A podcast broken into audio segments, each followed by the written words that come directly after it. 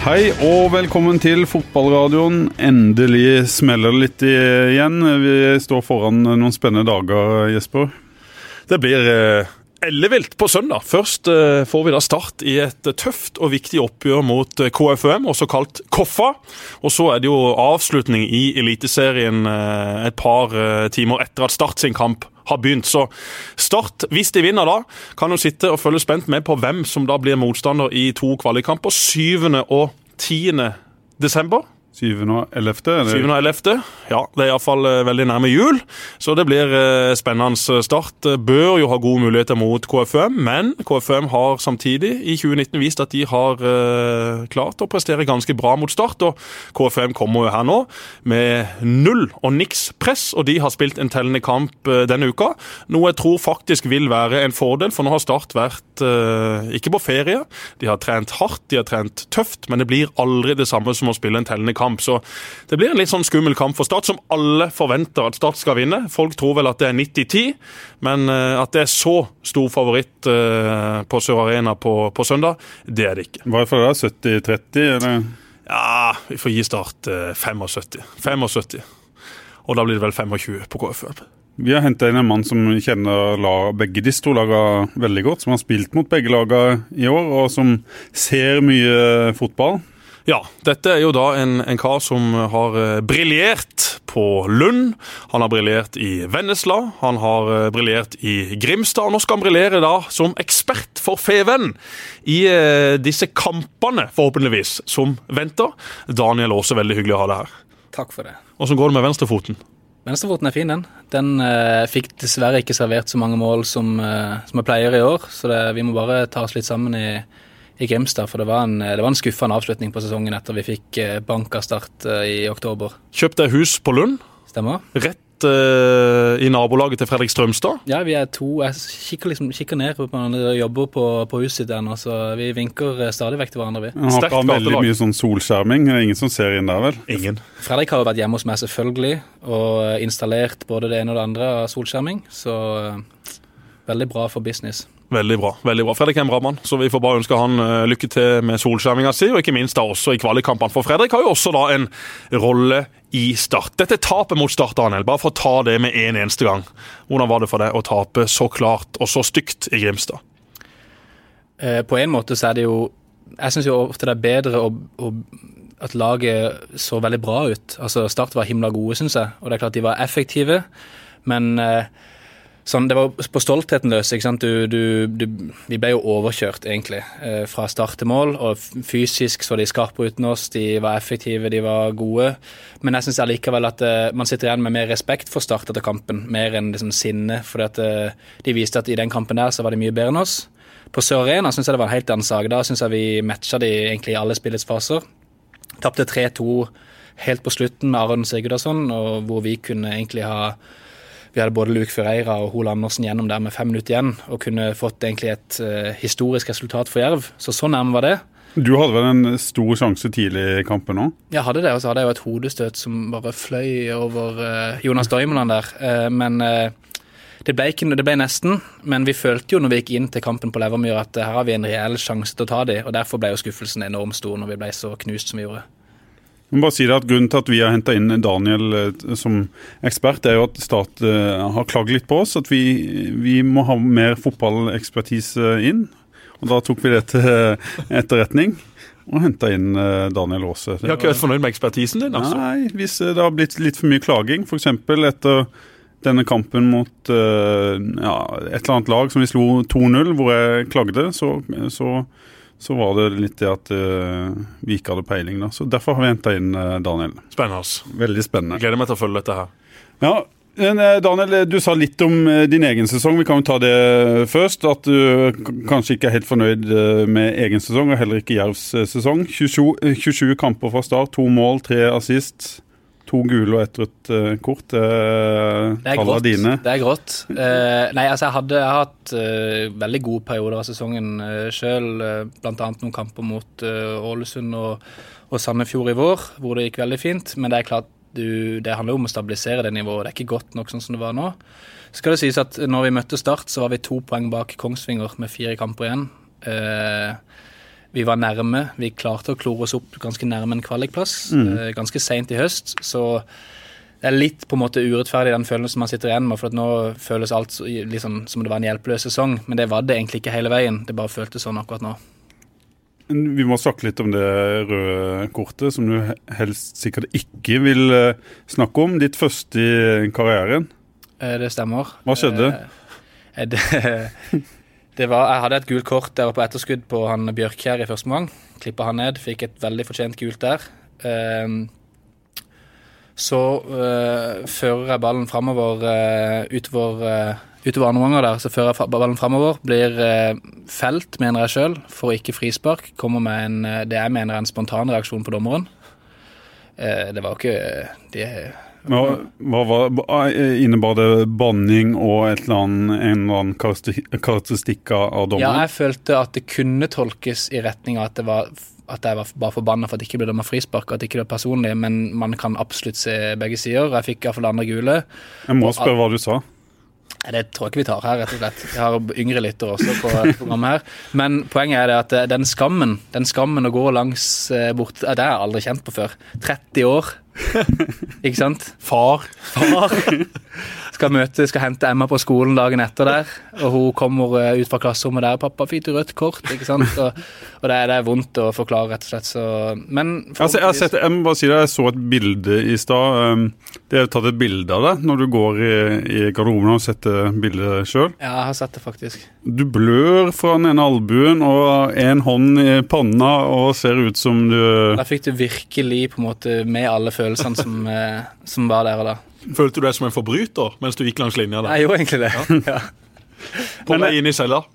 Men eh, du, har aldri hatt, eh, du har aldri fått rødt kort tidligere i karrieren på noe nivå, eller? Nei, aldri. Men tenk så mange røde kort han har skaffa. Har du det? Det er Ja, motstander. Spesielt fra Rolf Daniel Vikstøl. Bare Vikstøl har vel fire-fem. Ja, det stemmer det. Husker du en av de røde kortene ble Vennesla da Knut Tørum, var det det? Som hadde klikka ja. hadde klikka i pausen på at Rolf måtte roe seg ned. Men skal Rolf si... hadde gult kort. Tok ett minutt andre omgang. Pang! Ny takling, andre gule. Rødt kort, kjempetrøbbel for Start resten av kampen. det var mot deg nede ved hjørneflagget, var det ikke det? Jo, det stemmer det. Det var ikke nede med hjørneflagget engang. Nei, det var, Jeg skjærte inn sånn på 25 meter, Yes. kanskje. Og så, ja. Men han hadde tatt meg tre-fire ganger i første mange. Og så kom han ut der, og Rolf eh, viser jo ingen følelser. Han bare klipper ned uten å No mercy. No mercy.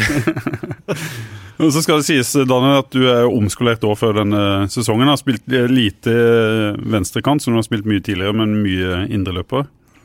Jeg har spilt indreløper egentlig eh, ja, nesten alle kampene i år. Jeg spilte jo høyre stort sett i start, eh, som jeg egentlig følte fungerte ganske bra. Eh, så nå var det enda en ny pos posisjon, og det, det er jo litt sånne ting som òg trengs tid med å, med å lære hvilke rom som er lurt å oppta osv. Så, videre. så jeg føler vel ikke at jeg har maksa min, mitt potensial i rollen ennå. Vi må snakke om det folk er mest opptatt av, Jesper. Det som skal skje til, til søndag. Fikk du sett eh, kamp i går, eller var du for opptatt med Braut Haaland og de store internasjonale stjernene? Ja, eh, jeg var dessverre det. Jeg satt og fulgte kampen på eh, nettet. Jeg fikk med, fikk med meg mål og, og stilling og, og hvem da Start etter hvert skulle møte, men jeg var i Bergen og jobba med Champions League, så da fikk jeg dessverre ikke sett denne kampen. Det gjorde sikkert dere, så dere kan fortelle meg hvordan den kampen var. Ja, vi kan fortelle både Jesper og alle de som hører på. Eh, Daniel, jeg ble ikke imponert av noen av de lagene jeg så i går. Hvordan er det Jeg det? synes Det Jesper sa i stad om det å ikke ha tellende kamper en stund, jeg syns du så det tydelig på, på KFUM. Eh, at jeg syns jo Kongsvinger var det desidert best farligste laget i går. Så ut ifra det de viste i går, så er jo Start eh, må være fornøyd med at KFUM kom der, eh, kom videre. De mangler eh, han Christian Brix gikk ut med en skade. En som heter Sørås, som har spilt hele sesongen som dyp, er ute. Eh, jeg tror ikke det laget tåler så mye rotasjon, egentlig. Så, så jeg tror det er en fin motstander for Start. Selv om kampen på Sør Arena viste at eh, Koffa virkelig kan spille ball. Ja, det kan de. For de tid og plass så har de eh, en del gode ballspillere som kan skape store problemer for Start. Så det blir viktig for Start å få kampen inn i sitt spor. Start må prøve å få satt et høyt press. Prøve å spille så mye som mulig inne på Koffa sin halvdel. Ikke la Koffa få lov til å komme ut og, og styre og spille Start lave, for da har de Stian Sortevik og co., som har herja med langt bedre motstandere enn Start før. Og de kan fint gjøre det igjen. Så eh, den kampen der, blir den på Starts premisser? Ja, der kommer Start til å vinne, for Start har mer fysikk, de har mer kvalitet. De skal også ha mer tempo i laget. Men jeg er veldig spent på å se Start etter en så lang pause. Én ting er at de har trent godt og alt dette her som vi har allerede prata om, men gode treningsuker.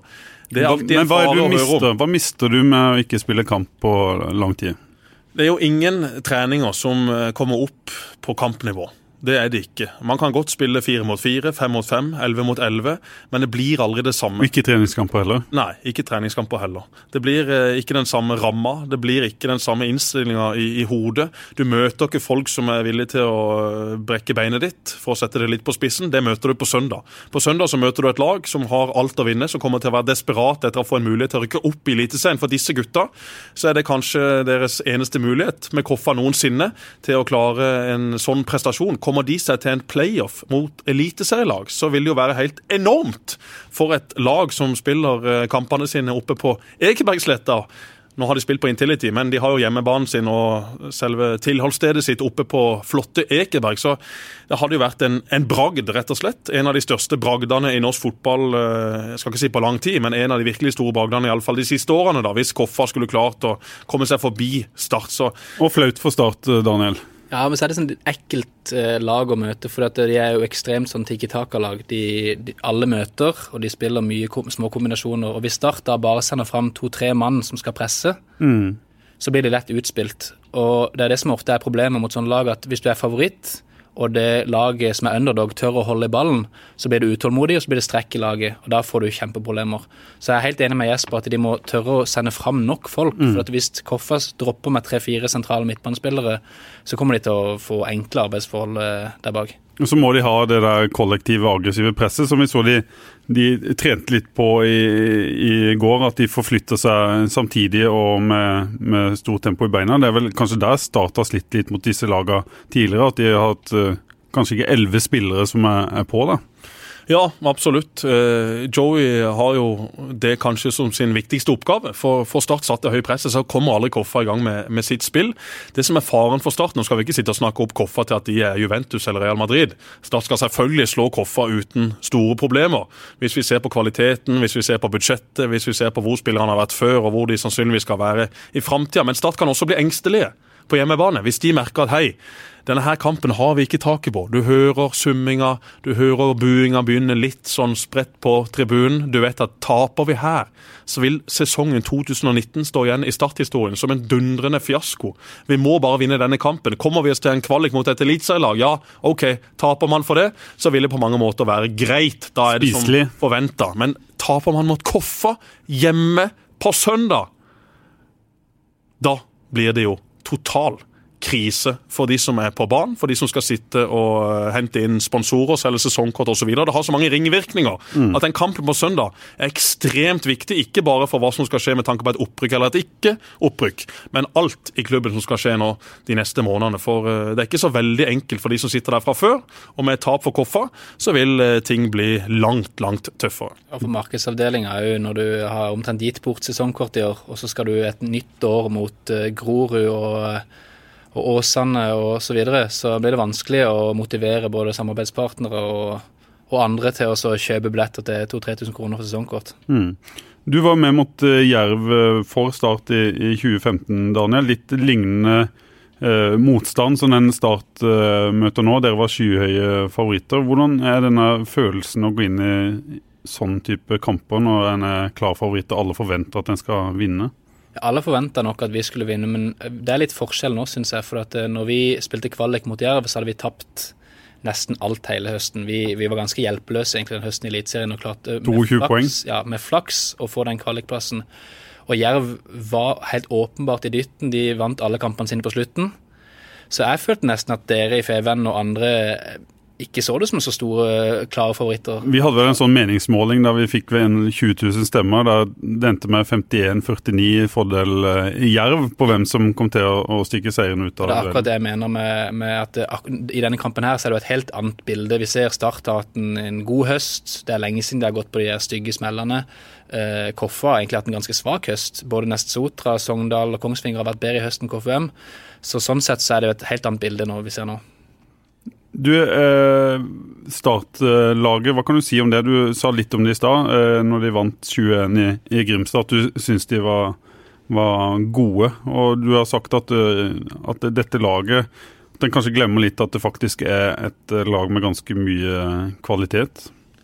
Ja, det kan være mer Jesper er litt uenig her. Jeg mener jo at dette laget her hadde bør i prinsippet med litt tid kunne klare seg greit i Eliteserien uten mye flere forsterkninger. Hvis du ser, Det Nå er jo Glimt kanskje et teit eksempel nå, siden de gjør det så bra, men de har jo da mista Oppsett, Bjørnbakk og Angell, som var de tre beste spillerne sine fra 2017. og Allikevel så gjør de det bra. Kristiansund er jo et lag som kun har spillere som Start egentlig ikke ville hatt eller sagt nei til. Mm. Så det handler jo om kontinuitet og om at trenere får lov til å jobbe med spillere over tid. Eh, så Derfor så mener jeg at eh, med syv hovedtrenere på tre og et halvt år, så kan man ikke egentlig forvente noe annet enn et heislag hvis eh, Langeland og co. har troa på Joey, så må de gi han tid til å kunne få satt et lag. For du ser det jo over hele verden at kontinuitet er det som, som gir resultater. Men Betyr det at hvis de slår KFUM, at du ser at de har en brukbar mulighet, eller er de for kort, kom for kort på den reisa med, med, Joey til å forvente at de kan bite fra seg? Det kan være at jeg kom for kort, for, spesielt for Sarpsborg og, og Strømsgodset. Kanskje også for, for Tromsø. Tromsø borte tror jeg kan bli, kjipt. Mm. Eh, men jeg syns jo, jo, Lillestrøm er et dårligere lag enn Start, spiller for spiller. Det må jeg si. Og jeg syns at eh, Mjøndalen og Ranheim Ranheim kommer til å tape mot Rosenborg, så de trenger vi ikke å tenke på. Men Mjøndalen kan vinne hjemme mot Vålerenga og få den kvaliken. Og jeg, synes, jeg tror uh, hvis du går gjennom og tar en spiller for, spiller for spiller, så tror jeg at uh, Start kommer ut bedre enn både Mjøndalen og Lillestrøm. Du eh, Jesper, hva svarer du på det?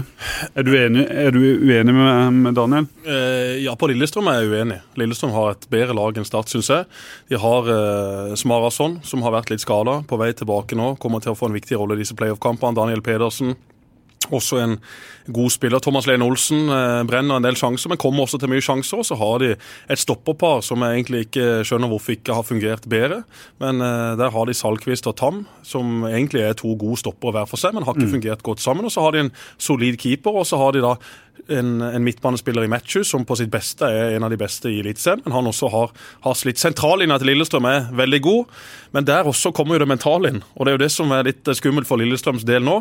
De går inn i den kampen mot Sarpsborg nå med en historikk i klubben om at de aldri har rykka ned. I alle fall ikke i, i vår tid. Og uh, har på mange måter et stort press på seg i så måte. Blir den kampen uavgjort, så tror jeg nok begge de lagene unngår direkte nedrykk. Da kan de komme på, på kvalik Lillestrøm, og, og, da eh, kan det naturligvis bli eh, en tett og jevn kamp med Start. Men der vil Lillestrøm i mine øyne være greie favoritter. Får du Mjøndalen, så har Mjøndalen eh, mye trøkk og god i, i laget sitt og, og, mye erfaring og har gode opplevelser fra kvalikkamper. Men der syns jeg ting er langt jevnere, for Mjøndalen har et par spillere som er gode på sitt beste, men de har også en del svakheter i, i sitt lag. Så jeg håper jo at det blir Mjøndalen Start for i en eh, kvalik. Eh, blir det Tromsø, så ser jeg heller ikke altfor mørkt på det. Jeg tar heller Tromsø enn Lillestrøm. Mm. Tromsø på ei eh, kald kunstgressmatte der oppe. Det er ingen umulig oppgave for Start, for jeg tror Start kan stå ganske greit til det Tromsø-laget. Tromsø kan spille litt naivt, og da kan Start ligge og vente og, og, og prøve å kontre på de. Får du Sarpsborg, Godset ja, det blir tøffere. Sarpsborg eh, er i mine øyne det beste av de seks nederste lagene. Jeg har eh, sett de eh, heve seg i viktige kamper før. og Du har også sett i år, selv om de ligger veldig utsatt til, så kan de mobilisere. Det kan de også i Drammen, og der har de jo en langhåra fyr fra Hellemyr som hamrer inn mål på bestilling. Han tror jeg ikke Start har så veldig lyst til å møte i nåværende form. Hvem er det som blir nøkkelspilleren på, på Start, Daniel? Det har jo vært uh, Aron i utgangspunktet. Og så har du også Jeg syns jo Ramsland har sett bedre ut enn jeg hadde trodd han skulle se ut. Jeg tenkte at han var sånn en, en, en grei oppgradering fra Bringaker, men jeg syns at han ser ut som mer enn det. Jeg synes han ser, jeg tror fort han kan bli den som bikker dette her. Allerede nå mot KFM spesielt tror jeg han kommer til å putte. Um, så det er jo de to hovedsakelig. Jeg er spent på Eman, har nesten ikke sett han spille. Så jeg syns jo det er kult at han skal starte. Kasper er med den som løper inn et mål på bakre stolpe eller et eller annet sånt. Men jeg tror at det er Aron og holde tett bakover, så Aron og Ramsland som må fikse det. Så har vi sett de der personlige feilene. Jeg så jo treningskamp mot Viking i, Stavanger, der en mister ballen helt unødvendig på egen banehalvdel. Så så jeg det samme igjen et par ganger i internkampen uten at de ble straffa. Damien Lowe og Joakim Jørgensen som går i, i, samme duell, og det skapes sjanser. Og, og Isaac Thom som mister ballen på egen banehalvdel. Sånne ting må vekk. Ja, jeg tror jo fort dette står og faller på vår venn fra Jamaica. Mm. Hvis han er på sitt beste, så kommer Start til å være veldig vanskelig å slå.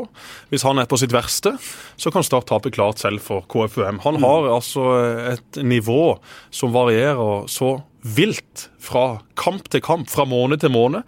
Men jeg håper jo at disse kampene med stor betydning skal tenne han. At han skal mm. se på dette som sine siste leveranser, sine siste kamper i Start, før han da blir solgt videre til en annen klubb som er villig til å betale de pengene Start vil ha. For det er ikke noe tvil om at han har et nivå inne som jeg tror mange er interessert i. Mm. Han har variert, ja, men det tror jeg også henger litt sammen med de lagene han har møtt, at han kanskje syns dette er litt kjedelig. Det var ikke dette han hadde sett for seg da han reiste til Norge. Han hadde sett for seg å spille for en klubb som skulle kjempe i Eliteserien. Men blir ikke det et anke, anke, ankepunkt mot han nå for klubber som vil hente han, som vel eh, må se alle eh, startkampene. Og når de ser en så ujevn eh, spiller, så så, så, jo, men jeg vil tro at mange klubber tenker sånn OK, vi har sett hva han kan på sitt beste. Det er ikke mm. noe tvil om at han har fart, han har fysikk. Han har også på sitt beste en grei pasningsfot. Han er ikke helt håpløs med ballen. Det er ikke sånn at han har hardere mottak enn touch, selv om han har hatt det i enkelte kamper, spesielt også da inne i eget felt. Mm. Men jeg tror klubber lar seg trigge at hei, kan vi få til han her, så har vi fått en klassestopper. Klubber i Danmark, i Norge, Sverige. Kanskje også litt nedover USA. Europa i de litt mindre ligaene. Ja, USA også. Han har, han har kaptein på Jamaica. levert gode kamper for Jamaica. og Det var en av grunnene til at Start hentet han. De så at han spilte for Jamaica, hadde levert gode kamper for Jamaica, og at det mm. også da kunne være en fin greie når de da skal prøve å selge han videre. Jeg håper at han leverer gode kamper nå, og så blir han da kanskje solgt, og at da Start kan få inn en ny sjefsstopper ved siden av Joakim Jørgensen. For uh, det har ikke sett ut at de to har trivdes sånn kjempegodt sammen. Og det er nok ikke så lett heller når du har en Damien Love som er så utilregnelig. Mm. Så det også med Bismar Acosta uh, i Start i Brann.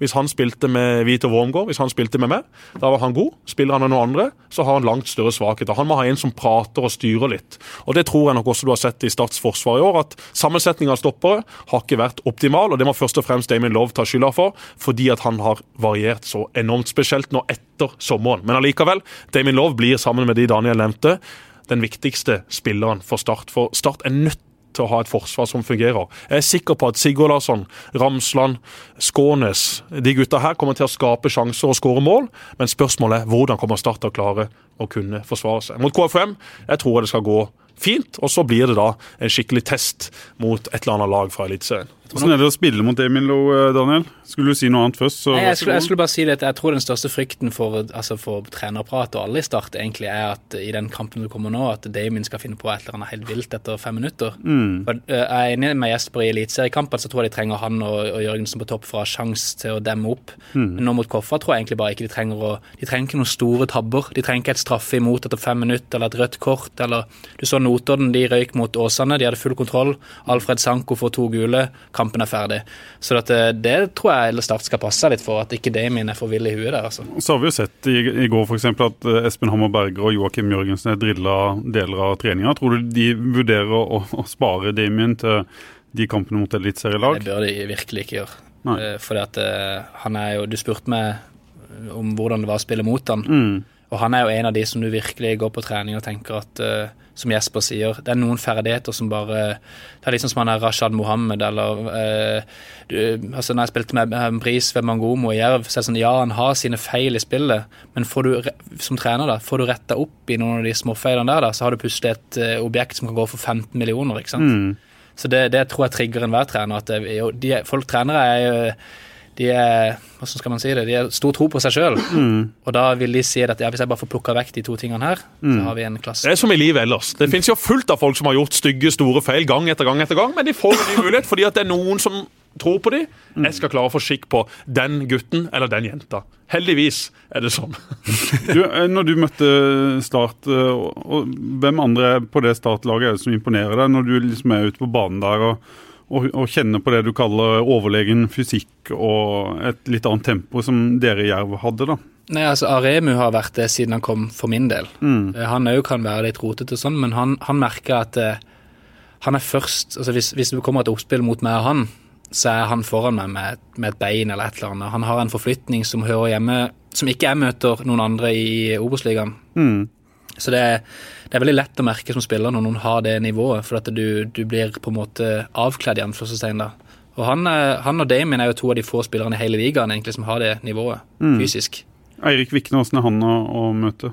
Han kjenner jeg så godt uh, at uh, meg han har en uh, Jeg føler at eh, han har utviklet seg veldig, men jeg, vi ja, vi har spilt mot hverandre så mange ganger at det kan gå liksom begge veier. da. Det er fordeler og ulemper. Getting engaged is a moment worth cherishing. A one of a kind ring that you design at Blue Nile can help your love sparkle. Just choose your diamond and setting. When you've found the one, you'll get it delivered right to your door. Finding the right engagement ring can be nerve wracking. At Blue Nile, you'll have the expert guidance needed and a diamond guarantee that ensures you're getting the highest quality at the best price. Cherish all of life's moments and save up to 30% at BlueNile.com. That's BlueNile.com. Jeg har fått noen tall fra eh, mine venner som jobber da i GIG. Stian Bruskland, en av mine beste kamerater, sendte meg dette, som da er utarbeida av en som heter Erlend Gloppestad. Det er også dette selskapet Kristoffer Langeland og de stammer fra. og De regner jo da på sannsynlighet for hva som skal skje i bunnen av eliteserietabellen. Og Ranheim de har 96,29% sjanse for nedrykk. Så de kommer nok til å gå rett ned. Så er det Mjøndalen. De har 55,27% sjanse for eh, nedrykk. Det er kun 5% sjanse for at eh, de får en playoff, så det skal mye til for at det blir Mjøndalen på playoff. Så har de 39% sjanse for at de kommer til å overleve. Og så har du da eh, våre venner som heter så mye som Tromsø. De har 15% sjanse for nedrykk. Godset har 16% sjanse for nedrykk. Det er mest sannsynlig at det blir Godset som får denne playoff-plassen. De har 30% Det er det høyeste eh, antall prosent av disse seks lagene. Og så har du da de to som møtes på Åråsen, Lillestrøm og Sarpsborg. Relativt eh, små sjanser for at de kommer til å rykke ned. 9,57 på eh, Sarpsborg og 7,83 Nei, omvendt. 7,83 på Sarpsborg og 9 på Lillestrøm. Så det er da eh, prosentene. Det ser tøft ut. Men jeg har, jeg har tatt den tabellkalkulatoren til VG og får jo Lillestrøm mellom Mjøndalen på, på den kvalikplassen. Hvis Mjøndalen da slår Vålerenga og Lillestrøm ikke vinner, så blir det fort et av de to, to lagene der. Men eh, det er jo styrt av mine følelser. Men eh, Strømsgodset er altså det mest eh, sannsynlige. Strømsgodset har eh, 30% og Mjøndalen har kun 5,55 Og så er det da Tromsø som har 22,5% på at det blir eh, kvalik eh, på de. Så at det blir da eh, Tromsø eller de eh, gutta som spiller i eh, blått i Drammen, det er jo over 50 sjanse for at det blir ett av de to lagene. Så får vi da se om eh, det blir som de har regna ut, eller om det da ikke blir slik. Mjøndalen skal jo også slå Vålerenga, da. Skal de ha noe som helst mulighet eh, til å få en player? For at de skal slå Vålerenga, ja, de er favoritter mot uh, Vålerenga. Ganske greie favoritter også. Vålerenga er opptatt av å få en eh, god Selvfølgelig. De har opptrådt pinlig i 2019. Det har vært en fiaskosesong for Ronny Deilas eh, menn. Så at de vil avslutte sesongen på en god måte, det tror jeg de er veldig motivert for. Jeg tror heller ikke de har noe imot å sende Mjøndalen eh, ned igjen til Obos-ligaen. Hvis vi skal snakke litt om veien videre fra start, uavhengig om det blir eh, opprykk eller eh, en ny sesong i, i førstedivisjon, hvordan ser du ting utvikle seg hvis de blir i, i divisjonen, Jesper? Det blir tøft. Jeg håper spillerne forstår uh, hvor tøft det kommer til å bli hvis Start uh, må fortsette i Obos-ligaen. Det kommer til å koste mye penger. Det blir langt mindre inntekter enn det det kan bli i Eliteserien. Det blir langt uh, færre folk på tribunen. Det blir færre sponsorinntekter. Det er så mye negativt som kommer til å skje, sammenlignet med hvis det blir Eliteserien. Eliteserien vil jo ikke friskmelde Start på verken kort eller lang sikt. Det er andre ting og mekanismer i klubben som betyr langt mer enn det, tror jeg, i det lange løp. Men for de som nå sitter og jobber jobber med budsjetter, for de som skal sitte og jobbe med 2020-stallen, for de som skal sitte og prøve å regne på hvor mange mennesker kommer inn forbi portene til neste år, så er det jo et hav av forskjell på disse to divisjonene. Blir det Obos-ligaen? Ja, Start kommer til å kjøre videre med stort sett den samme gjengen som de har nå, og da vil de også være med og kjempe om opprykk neste sesong. Men det vil på mange måter da være et år, en sesong, som absolutt ikke gikk som man burde gått. Det er jo Start som har eh, vært eh, favoritt til å klare et direkte opprykk, og det klarte de ikke. Nå i en kvalik så er veien lang, det er ikke umulig, men den er fortsatt lang. og Blir det Obos-ligaen? Ja, Da syns jeg rett og slett litt uh, synd på mine venner på Sparebanken Sør Arena. For da vet de at det blir uh, ikke bare tøffe måneder, men uh, også flere tøffe år. Men tror du de får beholde Aron Sigurdsson, Damien Lowe, Arimu? De har jo kontrakter med klubben, så det er jo på mange måter opp til både klubb og, og spiller. Hvis en spiller kommer og sier at jeg vil reise, så kan jo Start si ja, men det skal du få lov til så lenge vi får et bud som er over x antall kroner. Start mm. kommer jo ikke til å bare slippe spillere for at de vil reise sjøl. De har jo kommet til Start og godtatt en kontrakt, og så har det ikke blitt sånn som det En del av de som går ut av kontrakt neste, neste år, som bare er ett år igjen? Ja, og da kan det jo være aktuelt å selge de enten nå eller til sommeren, eller bare la de prøve å spille Start opp igjen i Eliteserien. Så det blir jo en vurdering på hver enkelt spiller. Jeg tror, ikke, jeg tror ikke det er sånn at det kommer til å være noen store endringer i den stallen. At Damien Love forsvinner, det ser jeg jo på som ganske sannsynlig. At uh, de andre forsvinner, uh, det ser jeg på som litt mindre sannsynlig. Aron Sigurdås bør jo være aktuell for klubber i Eliteserien. Og der er det sikkert noen som er villig til å legge litt penger på bordet også. Men om det da er nok til at Start skal selge han, det får vi nå vente og se på. Og hvis de rykker opp i Eliteserien, vi husker hva som skjedde uh, forrige gang under uh, De er jo ikke nye investorer lenger, men de som i starten drøm AS, at det ble jo en, en stor satsing, og, og, store deler av spillergruppa som Daniel var en del av, ble, ble fornya. Nå har de signalisert at det ikke blir sånn denne gangen. men Ser du for deg at de prøver på et par kanoner igjen? Er det har de ikke de pengene lenger, eller hva, hva kan man forvente hvis det blir opprykk? Du kan ikke forvente at de bruker penger sånn som de har brukt penger til nå. Det tror jeg vi vel ikke vil få se i klubben på på veldig, veldig mange år. Og det kan for så vidt være like greit, for uh, den pengebruken den uh, må vi si at sloker helt til. Mm. Nå har de allerede gjort uh, et par signeringer til, til, neste sesong som jeg tror vil være bra for Start. Erik Scholz inn på midtbanen vil jo være en klar forsterkning. Mm. Midtbanen til Start er i mine øyne det svakeste leddet i, i det laget. Så det å få inn Skjolse der, som er en arbeidsom kar, som er bra med ballen, som er målfarlig, som er boks til boks, det tror jeg er smart, trygg og god signering. Og så vil det helt sikkert være interessant for Start å se om ikke de kan styrke med to-tre spillere til. Det tror jeg vil være smart alltid i ei spillergruppe å få inn noe friskt blod. Både for å skape konkurranse, for å skape litt ny dynamikk på feltet i garderoben. At ikke bare det skal være den samme gjengen som tralter og går sesong etter sesong. Det skal ikke være for mange endringer, men at det blir noen. Det tror jeg nok alle der nede er innstilt på. Hvordan var, var, det var en del av det sist, eh, Daniel, når det skjedde veldig mye? Jeg skulle bare si at uh, hvis, det, hvis, ikke det blir uh, opprykk, så vil jeg si at Start kan selge både Damien og Aron og likevel nesten stille sterkere neste år, tror jeg. Fordi at det, du har Ranheim som går ned, som ser ferdig ut.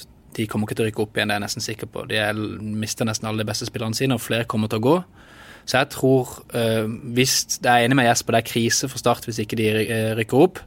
Men jeg tror det opprykket blir langt lettere neste år. Jeg tror du kan rykke opp med 55 poeng neste år. fordi at det Ålesund var utrolig solid i år, og Sandefjord vet vi hvordan er. De så jo sterke ut i Eliteserien i fjor høst. Jeg mm. tror både Mjøndalen og Ranheim eh, ikke har mulighet til å matche Start neste år.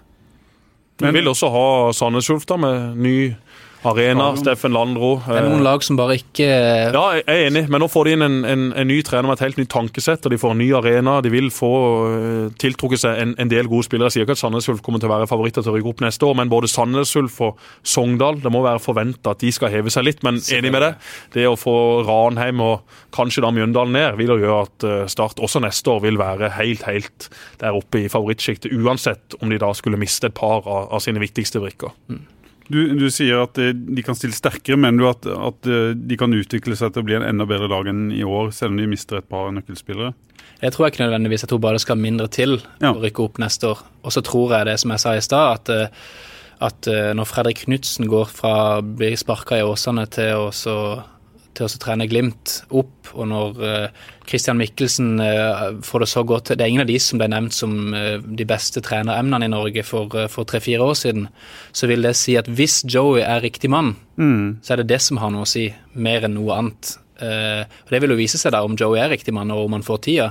Men jeg tror det er langt viktigere enn Damien i seg sjøl eller Aron i seg sjøl. For det, det, er nok av gode spillere i den stallen, og det er nok ressurser til å hente spillere som er bedre enn hva Ranheim eller Mjøndalen eller Sogndal kan ha tatt. Men det er det Bodø-Glimt og Kristiansund har vært så gode på. Ja. Vi har Christian Mikkelsen Kjetil Knutsen som har en klar måte de vil spille fotball på. Og selv om det reiser en spiller eller to eller tre, så har de enten da yngre spillere som kommer opp i Bodø-Glimt, eller så er de flinke på å hente inn typer som passer inn i måten de vil spille fotball på. Og Det er jo også viktig med en trener som skal være der i flere år. Det hjelper jo ikke at treneren er den samme hvis han hele tida skal hive ut nye kabaler, nye måter å spille fotball på, nye strategier, nye tankesett. Hvis du har en klar trener med en tydelig filosofi, som du da kan hente inn spillere til, så vil du etter hvert bli bedre og bedre og bedre. For da kjenner du til måten du skal spille fotball på. Nettopp. og sånn som jeg vet at Amal Pellegrino han ønska de i fem-seks vinduer.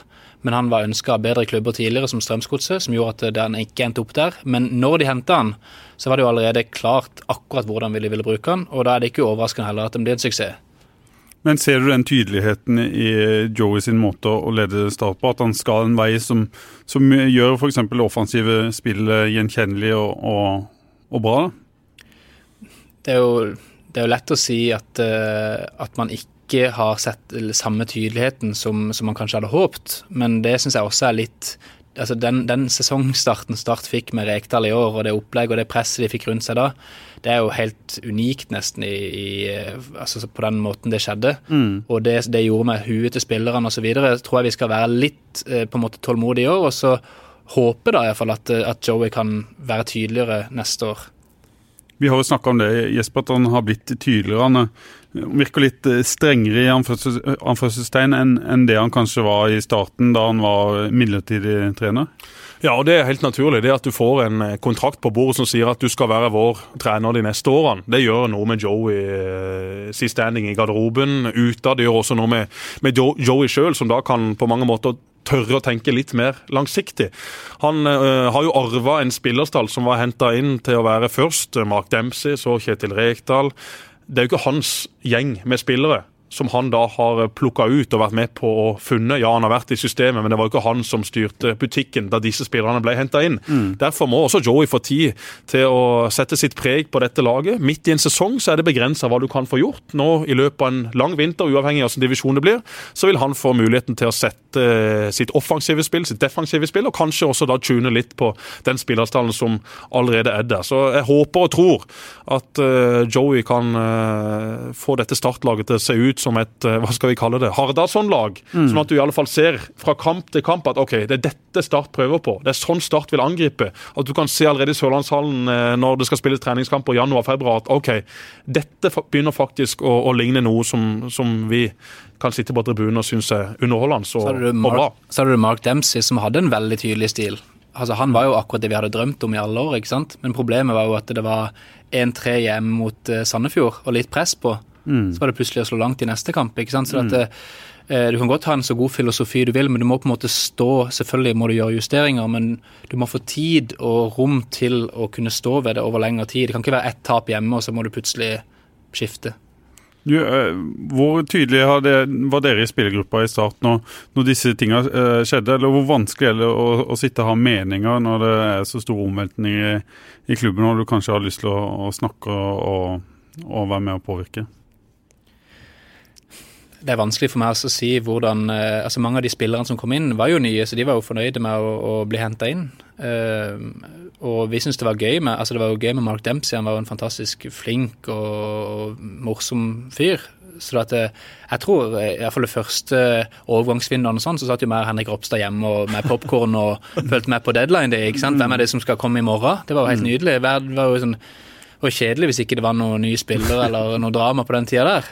Så det, akkurat der og da så var det gøy, men med en gang det begynte med, med det, Altså, det var, det var, var, litt vondt, rett og slett. Altså Først med Steinar Pedersen. Det var vondt å sitte der i garderoben og så få den beskjeden, for vi hadde jobba sammen i to år. Og så var det Syns jeg den våren i fjor, var, 2018, der, det må ha vært noe av det verste. For da var det mye frem og tilbake. og, og jeg tror de fleste i klubben, både i og rundt, satt med en vond følelse. Ble du overraska da Dempsey måtte gå, eller var det det, Du kjente jo dette på innsida, du får velge hva du vil, vil, si om det. da, Men var det på en måte fornuftig når det var kommet eh, dit det var kommet? Jeg følte at det var litt splitta. Eh, jeg følte at du hadde kanskje en, eh, en trener og sportsleder og andre som ville litt forskjellige ting. da. Mm. Og, og, Det merka man jo at ikke fungerte akkurat sånn som det, som det burde. og Derfor så var ikke jeg spesielt overraska når det kom endringer. Men eh, hvis du spolte tilbake igjen bare to måneder og Tromsø hjemme og festfotball på Sør Arena, så var det jo mm. helt utenkelig at, eh, at det skulle skje endringer. Mm. Vi må si, eh, snakke litt om Jerv og det som skal skje neste år. Daniel, du er 30 år, går inn i de siste år i kontrakten med, med Jerv. Hva gjør du videre? Først og fremst er det jo det er jo klisjé, da, men man er jo veldig motivert for, for å bli bedre som spiller. Eh, det tror jeg har vært på en måte egentlig litt av grunnen til at jeg kunne holdt på så lenge som jeg har vært. At ikke jeg ga opp når jeg var 23, men har på en måte forsøkt å forbedre meg og, eh, år for år. Og eh, Det er målet igjen nå, å være en av de beste spillerne i Obos-ligaen i, i, 2020. Det syns jeg er realistisk, og eh, det henger selvfølgelig også sammen med at eh, altså, vi må være et lag som er godt, men mm. jeg må også hjelpe til å ta det lederansvaret som kreves for at Jerv skal bli bedre. Så dette henger sammen. Men eh, om det blir mitt siste år på banen, det vet vi ikke. Men jeg er i hvert fall eh, sulten som aldri før. Du sa i forrige program at du tror Jerv blir eh, sterkere neste år.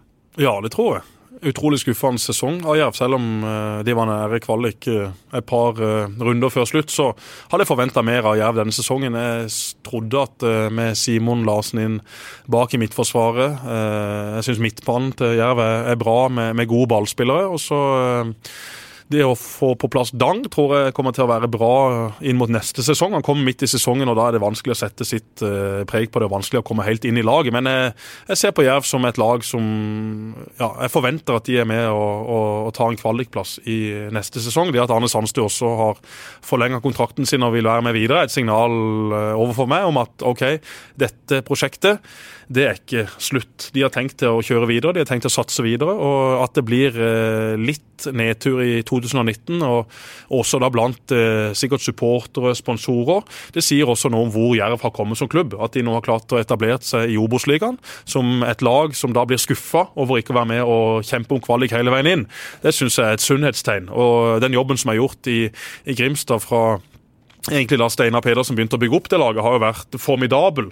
Så kan uh, godt supportere Sånn er vi jo. Vi glemmer jo mm. ofte hvor vi var for ti år siden. Det glemmer Jerv. Det ja, for Når du sier at sesongen til Jerv er skuffende i en historisk sammenheng, så er den jo egentlig det fantastisk. fantastisk. Absolutt. Men hvis du ser på de spillerne de har, mm. så hadde jeg forventa mer. Mm. Det er jo egentlig det enkle svaret. Ja. Det korte svaret. Og kanskje det beste svaret. Så har det kommet noen unge gutter fra Start som dere har brukt i noen år, og kanskje kommer det flere år, i hvert fall hvis Start uh, rykker opp. Hvordan syns det har fungert, eh, Daniel? Både Peter Reinhardsen og Håkon Suglia kom fra, fra utviklingsavdelinga i Start, og det er en del unge gutter i Jerv. Får vi se noen eh, stjerner de kommende åra som utvikler seg sakte, men sikkert i, i Grimstad? Ja, altså vært, De to har vært veldig suksessfullt for, for Jerv. for at du Peter har vel spilt 25 Obos-kamper, tenker jeg, eh, siden han kom, og utvikler seg veldig. Håkon har fått masse sjanser. Eh, Håkon Suglia og kommer til å bli det, Jeg vet at de kommer til å satse på han neste år.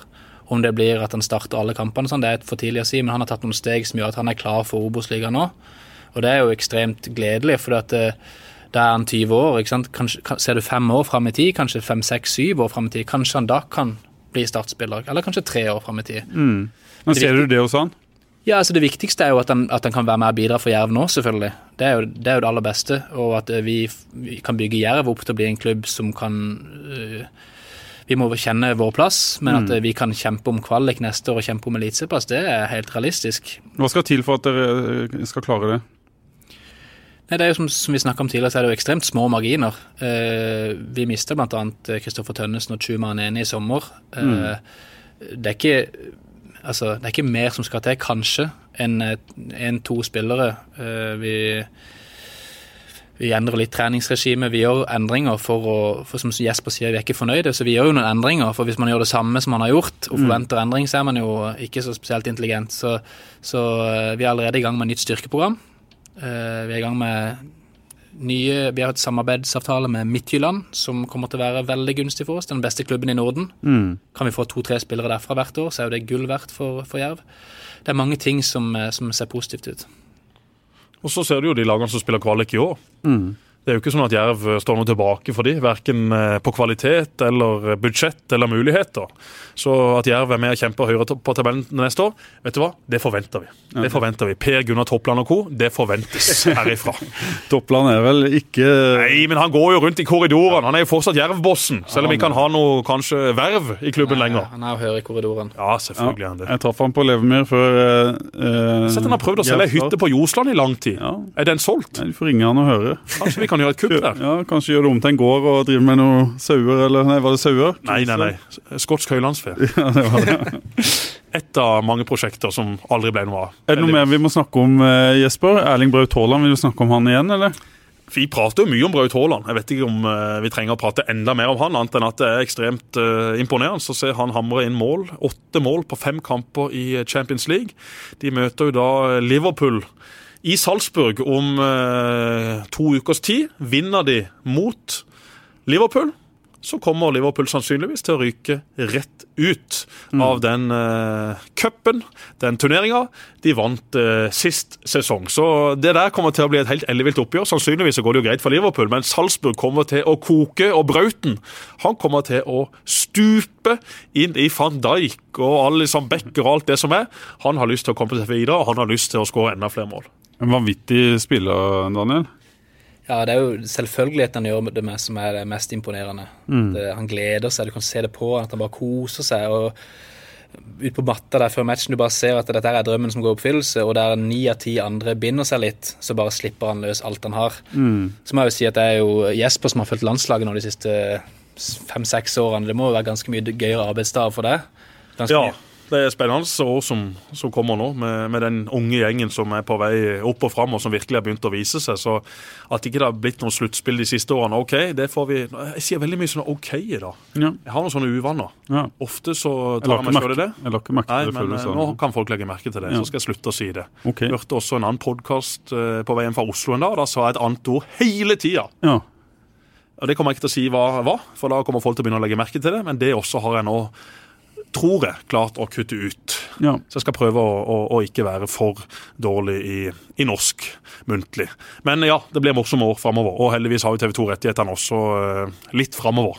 Så får vi håpe at TV 2 bevarer de også i fortsettelsen. For nå må Ayer, Ødegård, Berge, Braut, King, ja, Stein og co. komme seg til et sluttspill. Det må de. Det Så gode er de. Så får vi se da hvem som blir sjef. Om det blir eh, gamle svensken, eller om det blir en litt yngre nordmann. Tror du det blir Hareide eller Lagerbäck som eh, har laget Jeg tror det blir Lagerbäck. Ja. Jeg har ikke sett noen signaler som tilsier at han ikke skal ville ta dette laget videre. og Hva skal han finne på i Sverige, da? Han ser jo sprek og fin ut, han. Men nå Han er, legger skoene på hylla for godt. men det er en Han bare sitter hjemme i den der bitte lille bygda si inne i skauen der borte og, og, og ser på fotball på TV og være litt ekspert i Viasat. Nei! Han må eh, holde seg på den norske trenerbenken. Det tror jeg det norske landslaget også har godt av. For nå har de begynt å, å se ut som et solid kollektiv etter hvert. Har ikke tapt på Ullevål ennå. Det er bare å glede seg til slutten av mars, når Serbia kommer. Vi skal ikke snakke så mye om dette, men hvis f.eks. Ståle Solbakken kommer med et lite signal at eh, nå er er tida Det tror jeg kan gjøre. Jeg kjenner jo ikke Ståle Solbakken så veldig godt personlig, men jeg kjenner jo noen som kjenner han godt personlig. Og de sier at eh, det ikke er så veldig aktuelt for Ståle Solbakken nå. Han har det gøy og fint i København. Hans eh, lag blir jo ofte da eh, revet i fillebiter fordi at det kommer eh, store klubber ut i Europa som bare plukker den ene etter den andre. Derfor har de en litt tyngre sesong nå. Men han er jo trener, sportssjef. Han styrer jo hele butikken der nede. Tjener også veldig mye bedre enn det han kan gjøre som en sjef for det norske A-landslaget. Så Ståle Solbakken kommer nok til å bli trener for Norge en eller annen gang. Men at det skal skje nå, det har jeg veldig liten tro på. Hadde jeg vært Ståle, det er jo det selvfølgelig ikke, men hadde det vært det, så hadde jeg sett dette her er tidspunktet. For tenk, Helt enig. tenk for en tiårsperiode å gå inn i og være landslagstrener. Du, alle skjønner jo at han har tatt over en bedre generasjon, men du vil allikevel være den personen som har forvalta de, og som har tatt de til forhåpentligvis to, tre, fire sluttspill. Hadde jeg vært nordmann, så hadde jeg ikke kanskje hvis jeg var Solskjær, men alle andre ville jeg hoppa på den jobben om jeg hadde hatt muligheten. Men så har du også det livet han har i København, hvor han da tydeligvis trives godt. Han har eh, normalt sett det, det klart beste laget i Danmark. Han har eh, en arena som er smekkfull når det spilles viktige Han har vært der kamper. lenge, lenge, da. Han har vært der lenge, men det er vel også et tegn på at han trives, og at København trives med han. Og han tjener jo som sagt veldig mye bedre der enn han kan gjøre som norsk sjef. Så jeg vil jo tro at eh, disse tingene også spiller ganske tøft inn. Vi tror det blir Ståle, Daniel. Jeg tror ikke det blir Ståle, Det tror jeg. men hvis jeg hadde vært Ståle At det hadde blitt Ståle, hadde jo vært kjempekult. Ja, det. Men jeg, men jeg tror ikke det blir det nå. Så får vi se. Jeg har tatt feil før. Kommer til å gjøre det igjen. Ja. Skal vi komme Resultattips, er det for kjedelig? Ja, Start må iallfall vinne. Ja. Det må spillerne sørge for. ja. Hvis ikke de klarer å slå KFUM, da vet jeg ikke helt hva jeg skal finne på. Men uh, da blir jeg først og fremst uh, ikke så veldig forbanna, blir bare ekstremt skuffa. KFUM. Jeg så uh, gjennom Myggen-filmen her om dagen, og da sitter jo Karsten, Stallemo og pappa på tribunen og diskuterer litt om Myggen skal få lov til å røyke og ta seg pils kvelden før kamp. Pappa mener det for så vidt er helt greit så lenge han presterer på banen, og Stallemo er vel egentlig helt enig i det. Og, og Karsten sier jo det at uh, han har aldri hørt om noen norgesmestere fra KFUM. og det blir en litt uh, morsom kamp. Karsten får han dessverre ikke med seg. Det gjør for så vidt ikke så veldig mange av de andre som satt på den tribunen heller. Men vi skal iallfall få han med oss. Det skal vi. Så må Og vi det skal være på arenaen. Ja, og da vi- sending eh, før kamp, Og i etter kamp. pausen Ja, i pausen. og etter kamp. Og etter kamp. Og så er det sånn at hvis Start eh, vinner, så går vi direkte og skal utkonkurrere i hvert fall Fotballekstra på, her på Sørlandet. Og, og følge kampen med Startspillere og Joey Hardarson i Eliteserien. Oh, ja. Og rett og slett få Starts kvalikmotstander på, på Skal dere sitte da og se den på eh, SSA? Ja, det skal vi. Kult. Så der skal vi ha et lite studio etter kampen. Snakke litt om Starts eh, sesong, følge kampen i Eliteserien. Vi skal ha med oss eh, Daniel. Og så skal vi selvfølgelig få eh, direkte reaksjoner fra Start på hvem uh, motstanderen Og hvis det blir tap? Da pakker vi sammen sakene, så går vi hjem og Det er nok flere andre på fotball som også gjør. Ja, se på Fotballekstra. Det, blir, eh, det blir gøy. Det er jo, Jeg skal ikke reklamere for mye for eh, TV 2, men jeg må si det. Det å sitte i studio på sånne runder, det er jo det gøyeste. Ja, ja. 16. mai, da spilles det masse kamper samtidig. Nest siste runde, det var jo nå på søndag. Da hadde jeg ikke stemme, så det var ikke så veldig gøy. Nå er stemmen på vei tilbake! Et mål er der og et mål der. Det blir totalt kaos. Sitt og prøve da å ha kontroll på tabeller og resultater og målskårere. Alle lag kan havne på 30 poeng. Du vet det, alle seks. Ja, Det gøyeste syns jeg er å følge med på de fotballekstrasendingene med Jesper og de når det er kun to, sånn tre kamper, og de må sitte og krige fram høydepunkter. Det, da koser jeg meg. og Jeg ser jo hardt Orsten når de må jobbe med må prøve å konstruere sjanser som har skjedd på de ulike arenaene. Ja, Det er ikke alltid at Fotballekstra ser like troverdig ut hvis du sitter og ser Fotballekstra og har kampen på samme TV. Skulle hatt Olav Tråen i studio. Han Ja, vi er ikke helt Olav av- Tråen, men, men, eh, og det sa faktisk Olav Tråen eh, da jeg møtte han på Ullevål før kampen mot Færøyene. Jeg spurte han eh, ja, er du klar for kamp i dag, Ola. Ja, han var klar, og det var jo egentlig ganske greit, for eh, de som hørte på han, de visste jo ikke eh, om han kommenterte feil. Så Ola Tråen han koser seg på, på radio og er en eh, legende, må vi, må vi kunne si. Jeg gleder meg til søndag. Det blir mye gøy. Jeg skal først følge Starts kamp, og så skal jeg også følge deres sending da etterpå. Nå begynner startkampen? 15.30? Den begynner klokka 15. 15, ja. Perfekt. Da får jeg med meg en, en halvtime. Ja. Får med meg reaksjonene deres, og enten hyllesten eller, eller slakten. Og så blir ja, det spørs jo, det kan jo bli ekstraomganger og, og straffekonk. Må Det vi snakke jo. om det òg? Ja, Blir det ekstra og straffespark? Det er sånn det fungerer. Ja, det er det. Dormeland har redda noen straffer. Det straffesparket i Sandefjord, det var sterkt redda. Dormeland også ble jo en viktig brikke, kanskje ikke mot KFUM, men i en, kvalik. Jeg tror faktisk han har tre, tre av fire strafferedninger, hvis jeg ikke tar helt feil. Hvis ikke to av, av fire. Han har redda straffer tre ganger, tror jeg, for Start eh, i karrieren. Det er sterkt. Så må vi spille en ny episode til uh, uka. Ja, vi må kanskje gjøre det uansett? Eller Ja, ja, ja, Er du gal? Blir det tap, da kommer vi inn her med sabler og hagler og alt som er. Da skal folk blåses av banen. Blir det seier, så skal vi se fram mot eh, to spennende kvalikkamper. Ja. Men Start kan ikke tape mot KFM. Skal vi ha med Salvesen da neste uke? Skal vi tippe at det, at det Tror du han kommer ned hit? Nei. Han gjør Han ikke det, gjør vet du. det. Han er bare inne i Drammen nå. Går rundt og deier seg på den ene. Terje Leonardsen? Espen Johnsen. Ja, Espen Johnsen eh, og Leo, kanskje. Begge to. Det må vi ha hvis det blir. Sånn. Ja, jeg må si det med Leo. Han uh, trente et lag her, og så Han trente Tveit sitt eh, juniorlag. Og så Så ble han så frustrert etter hvert, for at de hadde formasjonstrening, og de klarte ingenting. Så da sa han på slutten av treninga nå blåste han av, nå går jeg hjem, setter på PlayStation, for da er i hvert fall spilleren sånn som jeg sier. Så da har vi det som layup til, til neste uke. Leo er fin. Veldig fint. Takk for i dag. Lykke til på søndag, gutter.